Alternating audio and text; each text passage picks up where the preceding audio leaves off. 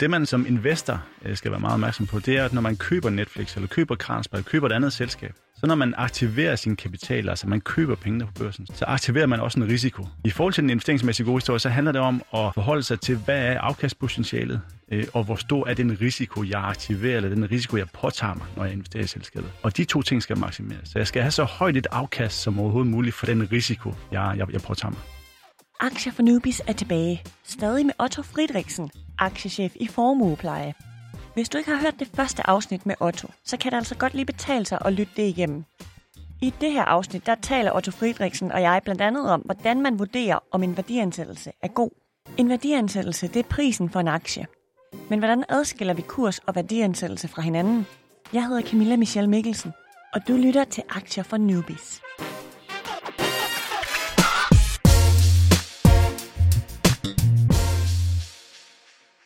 Nu øh, gik jeg selv lige ind og kiggede på øh, Ambu, som er en aktie inden for sundhed. Jeg har købt den i november måned. Dengang kostede den 197 kroner for en aktie. Nu kan jeg se, at den står til 328 kroner. Det er en forskel på 131 kroner. Det synes jeg lyder af helt vildt meget, men er Ambu stadigvæk en god aktie? Jamen det er jo rigtigt. Det, det er jo det er et fantastisk afkast, du har skabt her siden november, at, at, Mm. at kursen eller prisen på Ambo-aktien er steget så meget, som den er. Men, men kursen på aktien siger ikke så meget om værdiansættelsen. Øh, fordi hvis man købte, købte aktie efter kursen, så ville man jo købe den, der var den, der havde den laveste kurs. Mm. Øh, og, og det betyder ikke nødvendigvis, at, at øh, hvis vi tager Mærsk for eksempel, at den er meget dyrere end, end, øh, end, end Ambu, øh, fordi den har en højere aktiekurs. Tværtimod faktisk, så er Ambu væsentligt dyrere end, end Mærsk er, selvom den har en højere, selvom Mærsk har en højere aktiekurs, og Ambu har en lavere. Og vi er enige om, at Mærsk står til 11.000 eller sådan noget, ja, ikke? Ja, så man kan slet ikke købe så mange Mærsk-aktier, som man kan for det samme beløb, hvis du mm. skal købe øh, Ambu-aktier. Værdiansættelse handler om øh, lidt, lidt i, i, i kølevandet for det, vi talte om her i første øh, del, øh, det her med at, at opfatte sig selv som virksomhedsejer. Så når du køber Ambo-aktien, eller når du køber Mærsk, eller når du køber en anden aktie, så handler det om at se på, jamen når du betaler 300 kroner for Ambo-aktien, hvor meget indtjening har du ret til, når du køber en aktie? Altså, hvor meget indtjening skaber Ambu i forhold til den ene aktie? Og Der, der bruger man et nøgletal. Der er mange nøgletal for værdiansættelse, men der bruger man et nøgletal typisk, der hedder price earnings eller PE. Det støder man på rigtig mange steder, når man læser aviser og læser øh, tidsskrifter osv. Øh, oftest øh, bliver det forklaret sådan, at det er et meget simpelt nøgletal til at forklare værdiansættelse. Og det er det faktisk også, fordi hvis man, hvis man tænker over nøgletal, så er det en måde at illustrere for os som investorerne på, hvad er det, vi får med, når vi køber en aktie. Det svarer til at gå ned i, øh, i Netto hernede på hjørnet og spørge ekspedienten, nu vil jeg gerne købe noget mælk. Hvad koster mælk hos dig? Ekspedienten siger sådan, det koster 20 kroner. Ja, vi- dyr mælk. Det ved vi jo faktisk ikke. Det kunne også være, det var fantastisk billig mælk. Men vi får bare at vide, at det koster 20 kroner. For at vide, om det er dyr eller billig mælk, så bliver vi nødt til at vide, hvor mange liter mælk vi får med. Mm. Får vi Okay, 10 liter klart. mælk, så er det rigtig billig mælk. Får vi en enkelt liter, så er det meget dyr mælk. Og på samme måde, i forhold til prisen relativt til indtjeningen, eller i forhold til indtjening, så er price earnings, eller PE-nøgletallet, det er egentlig bare en literpris på indtjeningen i virksomheden. Så når vi kigger på aktiekursen, og når vi kigger på literprisen på indtjening eller per søgning, så er der meget stor forskel. Ambu ligger med en aktiekurs på 300 og har en meget høj price earnings. Altså literprisen for en krones indtjening i, i, øh, i Ambu er meget høj, øh, hvorimod den er væsentligt lavere i Mærsk, selvom aktiekursen er meget højere. Så det er fordi, vi får mere i Mærsk for pengene? Vi betaler mindre for at købe os adgang til indtjening, end vi gør i Ambu. Det kan der være mange forskellige årsager til. Nu er det to forskellige industrier og, og, og to forskellige, hvad skal man sige, livsstadier, de her virksomheder er på. Men det, der for os er signalværdien i værdiansættelsen, om en aktie er dyr eller billig, det er gå ind og forholde os til, også i forhold til risikoperspektivet. Er vi villige til at placere penge i Ambu og betale en højere literpris for indtjeningen i forhold til det, vi får i Mærsk? Jeg skal med andre ord have en forventning om, at Ambo i fremtiden kommer til at vise en væsentlig større indtjening, end den jeg kommer til at se i Mærsk i forhold til øh, værdiansættelsen. Og som almindelige investorer, hvordan, når man sidder og kigger på aktieindekset og skal vælge Ambu, Mærsk eller noget helt tredje, hvordan vurderer jeg så, hvordan ved jeg, at Ambu er dyrere end Mærsk? Fordi på papiret ser den jo ikke dyrere ud. Nej, det er nemlig rigtigt. Øh, Der ser den jo faktisk billig ud, hvis du Mm. mm. bare kigger på aktiekursen. Men, men der er det det rugbrødsarbejde, det hårde arbejde, som investoren kommer ind, og tankegang omkring virksomhedsejer øh, setupet, nemlig at gå ind og se i regnskab blandt andet, hvad koster Ambo-aktien, hvad, hvor meget bliver der skabt i indtjening. Man kan også se på mange forskellige platforme på internet og i aviserne osv., se de her PE-nøgletal øh, ude ved, ved de enkelte selskaber. Og egentlig måske i højere grad kigge på PE-nøgletal eller nogle af de andre nøgletal, som beskriver selskabet, frem for at kigge på aktiekursen, fordi aktiekursen er i bund og grund fuldstændig ligegyldig. Mm. Øh, det er egentlig bare et, en, en pris på en aktie, øh, som, som, øh, som den bliver handlet til, hvor det mere interessante er i langt højere grad, hvor meget betaler vi for at købe os adgang til den indtjeningsstrøm, som jeg som investor eller som virksomhedsejer får ret til i Ambu. Så det råd, vi i hvert fald kan give videre, det er at kigge på PE-nøgletallet. Det er der, du finder din værdi. Det er i hvert fald et, et rigtig godt sted at starte. Øh, nu PE, altså, ligesom alle mulige andre ting, så er der positive og negative ting i nøgletal øh, mm. og, og svagheder. Men, men PE er en meget simpel måde i forhold til den her med mælk, øh, at tænke på, om en aktie er dyr eller billig. Der er mange andre nøgletal, der er mange andre ting, der beskriver en virksomhed i forhold til øh, at forstå virksomheden, forstå risikoen, og ikke mindst forstå, hvad betaler jeg for at købe virksomheden. Og hvis man nu for eksempel kigger på Novo, så har det et PE-tal på 24, Apple har på 36. Hvad ja. betyder det? Jamen, det betyder, at, at når vi ser på øh, den indtjening, som Novo har skabt de sidste 12 måneder, så betaler vi i øjeblikket mindre for den indtjening, vi gør i Apple. Vi kan, okay. også, vi skal også se på den, den fremtidige indtjening. Hvis nu Apple forventes at tjene langt, langt mere end, end, end Novo, øh, meget større indtjeningsvækst end Novo, eller har et, et, et, øh, nogle produkter, der bliver lanceret, som gør, at indtjeningen kommer til at stige ret kraftigt, så er vi, vi er måske villige til at betale en højere pris, fordi kvaliteten i forhold til det perspektiv, vi kigger i fremtiden, faktisk er højere måske. Og vi, vi kan forvente at få en, en, et større indtjeningsbidrag, end, end det vi måtte få i Novo. Ja, så man kan ikke bare gå ind og kigge efter alle de lave nøgletal og så tænke, den tager jeg. Øh, og, og det er jo den udfordring, der er på, på aktiemarkedet. Det er jo, at der er rigtig mange virksomheder, der er billige af en korrekt årsag. Det, der handler mm. om for os som investorer, som virksomheder, det er at finde de virksomheder, som er billige af en forkert årsag. Altså finde de virksomheder, som er forkert prisfastsat, hvor markedet ikke har set de ting, som vi har set, eller har en anden forventning til fremtiden, end den vi har. Og vi kan være med til at, at ride den bølge, hvor virksomheden går fra at være billig til at være dyr i, i forhold til nøgletallene. Ja, når du siger det her med, at øh, markedet har set noget, vi ikke har set. Nu nævnte jeg jo Netflix før. Der er andre, der nok har set, at der kommer en masse fede serier. Så det vil ikke være et godt nøgletal at kigge efter. Øhm, i, i for, og det, det er jo sådan en generel information, men i forhold til nøgletallene, så afspejler nøgletallene jo både i forhold til historikken, men også i forhold til fremtiden. Hvad er det, vi skal betale os for at købe os adgang til, til den her virksomhed? I forhold til den gode historie, i forhold mm. til den forskel mellem den gode historie og den investeringsmæssige gode historie, så handler det om at forstå, jamen, når du ser, at Netflix kommer med en ny serie, så har alle andre også set det. Mm. Øh, og selvfølgelig indarbejdet det i prisen på Netflix og i nøgletallene på Netflix. Det, der handler om for dig, det er at se på, jamen, tror du, at Netflix kommer med endnu flere gode serier, som kan være med til at drive udviklingen endnu mere i, i Netflix, og måske også mere end det, markedet allerede forventer, så har du måske en væsentligt bedre case der, end hvis du nu så, at jamen, Netflix bliver overhalet af Disney eller Paramount eller nogle af de andre, som, øh, som vil være en udfordring for indtjeningen Netflix. Hvad hvis vi kigger på flyselskaber? For noget af det, jeg vil synes vil være allermest nøjere at investere i lige nu, det vil være SAS eller Norwegian eller et flyselskab. Ja, og det er jo en, meget speciel situation i øjeblikket, fordi de er stadigvæk meget hårdt ramt af den nedlukning, vi ser. Øh, der er også en, en, en anderledes ejerstruktur, typisk i mange flyselskaber i forhold til deres stater indover, øh, og øh, indgår som, som medejer af virksomheden.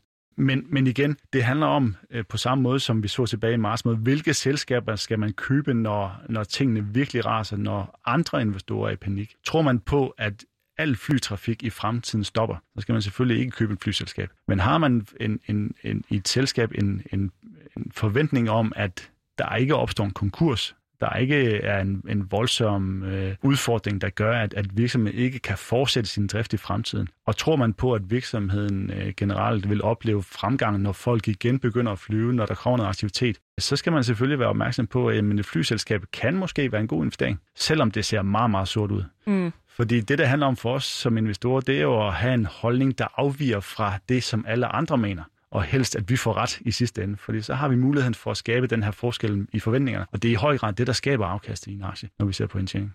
Så for eksempel med Netflix kan man jo sige, at hvis Netflix har sagt, at der kommer flere serier, så ved alle det, men hvis jeg selv tror, at der kommer endnu flere, end de har sagt, så er det der, jeg kaster mine penge ind. Så er det det, du skal være opmærksom på. Jamen, så kan det faktisk være, at du har en indtjeningsstig i Netflix, som er væsentligt mere positiv, end det markedet i gennemsnit forventer. Mm. Og hvis det er markedet, der skal ud og revidere deres forventninger op til dine forventninger, så har du en positiv udvikling. Vi har faktisk et godt eksempel i dag. Mm. Øh, Jyske Bank i Danmark er ude med en opjustering af deres indtægtsforventninger. Så Jyske Bank er ude og sige, at det vi troede, der egentlig skulle være vores indtægtsstil, og det som markedet et eller andet sted måske også har inddiskonteret eller indbygget i forventningerne på aktiekursen, det kommer faktisk til at være væsentligt højere. Øh, og når de er ude og hæve deres indtægtsforventninger, så skal investorerne også ud og hæve deres indtægtsforventninger. Så er der mange, der køber aktien, og vi ser Jyske Bank i dag stige med 2-3 procent, tror jeg, her fra morgenstunden. Så hvis vi havde investeret i Jyske Bank inden i dag, så var det et godt, øh, et godt sats? Hvis man havde en forventning om, at øh, den, de højere renter, øh, konkursaktiviteten vil falde, udlånsaktiviteten vil begynde at stige, altså alle de dynamikker, der er med til at drive indtjeningen i en bank, at de vil faktisk være bedre end det markedet forventer, det som Jyske Bank forventer. Så skulle vi have købt Jyske Bank-aktien, og så ville vi være positivt begunstiget af, at aktiekursen i dag vil stige på baggrund af, af den her opjustering. Vi talte før lidt om, hvilke virksomheder, der har klaret sig godt under pandemien, men jeg kunne også godt tænke mig at vide, hvilke virksomheder, der står til at klare sig godt nu her, når vi er på vej ud af pandemien. Ja. Hvad tænker du der? Hvis vi sådan spoler tilbage til, til marts-april måned, øh, så kan jeg, jeg kan give nogle navne på, på noget af det, vi købte, øh, og mm. noget af det, hvor vi sammen her ser vi en, en opfattelse af virksomheden på lang sigt, som er forkert i forhold til det, vi opfatter som hvad det rigtige. Altså, hvad, hvad, hvad bliver indtjeningsstrømmen? Øh, og, og tilbage i marts-april måned, der købte vi selskaber som Adidas, blandt andet i Tyskland. Øh, vi kender dem alle sammen i forhold til, øh, til, til tøj, både i de fysiske butikker, men i høj grad på de, de digitale butikker, altså på internettet. Øh, og, og den her bekymring om, at Kina lukker ned, verden lukker ned, hvad betyder det, når alle butikker lukker? øh, for et selskab som Adidas. Så I tænker, når alle butikker lukker, Kina lukker, vi skal alle sammen hjem, så tænker I, at vi skal motionere mere, og derfor vil vi ty til Adidas i Tyskland? Det kunne være en ting, men, men i høj grad øh, det, at, at markedet indbyg, inddiskonteret eller, eller indbygget nogle meget negative forventninger til, at verden virkelig vil blive udfordret i kølvandet på corona. Det er den også blevet, ingen tvivl om det. Men det, at de fysiske butikker lukker, øh, har ikke været så afgørende for et selskab som Adidas, som har en lige så stor internetforretning. Mm. Det andet med, at man begynder at motionere mere, man, man har haft tid til at motionere mere, man køber mere på internettet, man køber sportsudstyr på internettet, har været en yderligere positiv effekt, kan man sige. Men, men det er i hvert fald en ting. Et andet selskab kunne være uh, Goldman Sachs, som var ude med regnskab her forleden, det er Asahi i Japan, et bryggeri, øh, på samme måde med, med Carlsberg, men, men hvor det så blev et japansk bryggeri, vi, øh, vi valgte at investere i. Det kunne være et selskab som Otis, øh, altså et, et selskab, der, der... Hvad er det for et selskab? Jamen det er, læg mærke til det, når du er i magasin næste gang øh, og kigger ned på, øh, på rulletrappen, så står der enten Kone eller Otis. Så det er okay. et af sådan, de to førende selskaber, der, der producerer elevatorer og rulletrapper. Og, og det interessante ved Otis, det er, at jamen, kun 20 procent af deres omsætning, det er nysalg af elevatorer og rulletrapper, altså nye produkter, der bliver kørt ud over, over disken. De resterende 80 procent, det er aftaler om at vedligeholde alt det, der er installeret. Øh, så der er en, en meget høj grad af stabilitet i den indtjening, vi ser i Otis. Det kan vi rigtig godt lide, og det kan vi købe på en rigtig attraktiv pris, mens vi er tilbage i, i marts måned. Og når du taler om det her med stabilitet, så er vi jo lidt inde på det defensive aktier igen.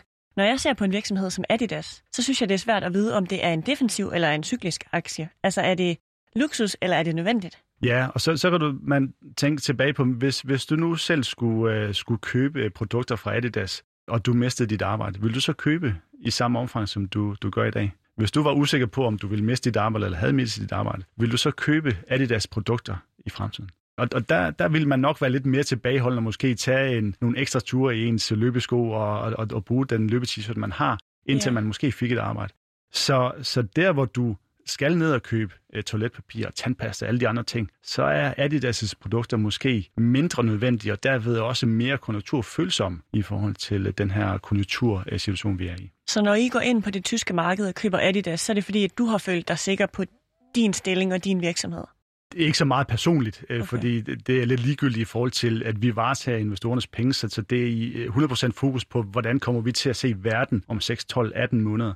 Øh, og der havde vi en forventning tilbage i marts-april måned, at den massive opbremsning, vi så i global økonomi, det massive skifte, vi så i, hvordan andre investorer agerede, og hvor meget man gik ud af aktier tilbage i marts måned, at det var så voldsomt, at jamen, med det, vi forventer, der vil komme af hjælpepakker, af, af normalisering, af potentielle vacciner, godt være, det tog lang tid, øh, det gjorde det så ikke, men, men bare det, der vil komme noget, som vil være med til at afbøde den meget dystre situation, som markedet havde inddiskonteret tilbage i marts måned, ville være understøttende for mange af de her selskaber, fordi netop blandt andet nøgletallet PE og, og værdiansættelsen af virksomheden var meget, meget lav. Altså literprisen på indtjening i Adidas og andre var meget, meget lav relativt til, hvad den normalt øh, koster, fordi rigtig mange investorer var rigtig, rigtig bange. Så det handler også om, at I også gik ud fra, at når verden så åbnede igen, at flere ville gå ud og købe sportstøj. Helt fordi sikkert. det netop var billigere også. Helt sikkert. Og, og der er vi igen tilbage til øh, din fars øh, tanke omkring TSV og, og Netflix, at mm. jamen, der hvor du skal, der hvor du virkelig skal, skal holde hovedet koldt og lade følelserne ligge øh, bag dig, det er, når, når vinden virkelig blæser, og andre investorer er rigtig, rigtig bange. Kan du, kan du finde selskaber, som er solide og som har en konkurrencemæssig fordel, og hvor du er sikker på, at de vil også eksistere om tre eller fem år, og måske faktisk stå stærkere, så skal du lukke øjnene og købe de selskaber, når, når vinden virkelig blæser, i stedet for at købe dem, når alle snakker om, at er det der en fantastisk investering, og er det der viser, at salget går for rygende. Det, det er i høj grad det der med at finde den investeringsmæssige gode historie, frem for bare den gode historie. Vi skal være foran markedet. Det, den er svær. Altså, der er jo folk som dig, der ligesom øh, arbejder med det. Det er din livsstil, det her, føler jeg jo. Jamen, det, det øh, smelter i høj grad sammen med mm. øh, arbejderfritid. Ja. Otto, du har jo specialiseret dig i at analysere forventninger og risici, men også markedsreaktioner. Jeg forestiller mig, at der også må være nogle gældsproblematikker, noget penge og noget finanspolitik, der taler ind i det her. Kan du ikke sætte nogle ord på, hvad bekymringerne ved aktiemarkedet er lige nu? Jeg tror, at den største bekymring, når vi ser på aktiemarkedet, det er måske, at aktiemarkedet ikke ser nogen bekymring. Mm. At, at øh, når vi ser på værdiansættelserne på indeksniveau, og når vi ser på udvalgte områder af aktiemarkedet, så er der en meget høj tiltro til, at tingene kommer til at køre rigtig, rigtig godt fremadrettet. Så jeg tror i høj grad, man skal være meget opmærksom på, at, at markedet og investorerne generelt er ved at indbygge nogle, nogle, nogle forholdsvis positive forventninger til fremtiden. Øh, og det gør også, at vi skal være meget opmærksom på, hvor meget, hvor meget har vi allokeret mod aktiemarkedet. Øh, hvad er det for en risiko, vi har i aktiemarkedet? Hvordan bliver vi ramt, hvis det her positive scenarie pludselig ikke bliver så positivt, som, som markedet ser ud til? Så man kan sige, at gældsproblematikker er et, et, et problem. Det vil komme til at være et vedvarende problem i, igennem en, en, en længere årrække, fordi at rigtig mange øh, midler er blevet brugt til at hive verdensøkonomien ud af den situation, vi var i tilbage i marts-april måned. Det er noget, der skal betales tilbage. Øh, så gæld er jo en periodisering af fremtidig forbrug. Man trækker i princippet noget forbrug for fremtiden frem til i dag ved hjælp af gæld for at sætte gang i tingene. Og det er mm. klart, det betyder jo, at det fremtidige forbrug ikke nødvendigvis bliver så højt, som det ellers ville have været. Men betyder det, at det danske marked stadig står stærkt fremadrettet? Jeg tror i høj grad, når vi ser på de danske selskaber, når vi ser på de selskaber, som drevet det danske marked, så vil det stadigvæk være selskaber, som står stærkt. Om det er en investeringsmæssig god historie, er en anden problematik. Øh, fordi altså, betaler vi for meget for den gode historie, så kan det være en dårlig investering. Så, så i, i vores portefølje har vi en dansk aktie, selvom der er rigtig, rigtig mange stærke danske aktier. Det er i høj grad på baggrund af værdiansættelsen, eller hvor meget vi betaler for at købe os ind i, i, i det danske aktiemarked. Og her til allersidst, Otto, hvis der er et eller andet råd, du skal give lytterne med videre, hvad skal de så kigge på? Jamen det er at, at, at kigge på virksomheden, kigge på indtjeningen, se på, hvor er der kvalitet, øh, og så frem for alt, i stedet for at opfatte sig selv som investor eller som, som finansmand, så, så kigge på det her som, som en virksomhedsejer. Altså mm. se på, jamen jeg skal købe noget her, som jeg, jeg vil, øh, vil putte i min portefølje og vil holde i, i de næste 3, 5, 10 år, øh, og, og stadigvæk sove godt om den. Otto Friedrichsen, aktiechef i Formuepleje. Tak fordi du var med i Aktier for Newbies. Selv tak. De danske selskaber står umiddelbart ret stærkt, men vi er stadig nødt til at være opmærksom på deres værdiansættelse, for at kunne vurdere, om virksomheden er en god investering. Derfor skal du se dig selv som virksomhedsejer, og så anbefaler Otto, at du faktisk beholder dine investeringer i din portefølje i 3, 5 eller 10 år. Det her det var anden del af min snak med Otto Friedrichsen, aktiechef i Formuepleje. Jeg hedder Camilla Michelle Mikkelsen. Tak fordi du lyttede til Aktier for Newbies.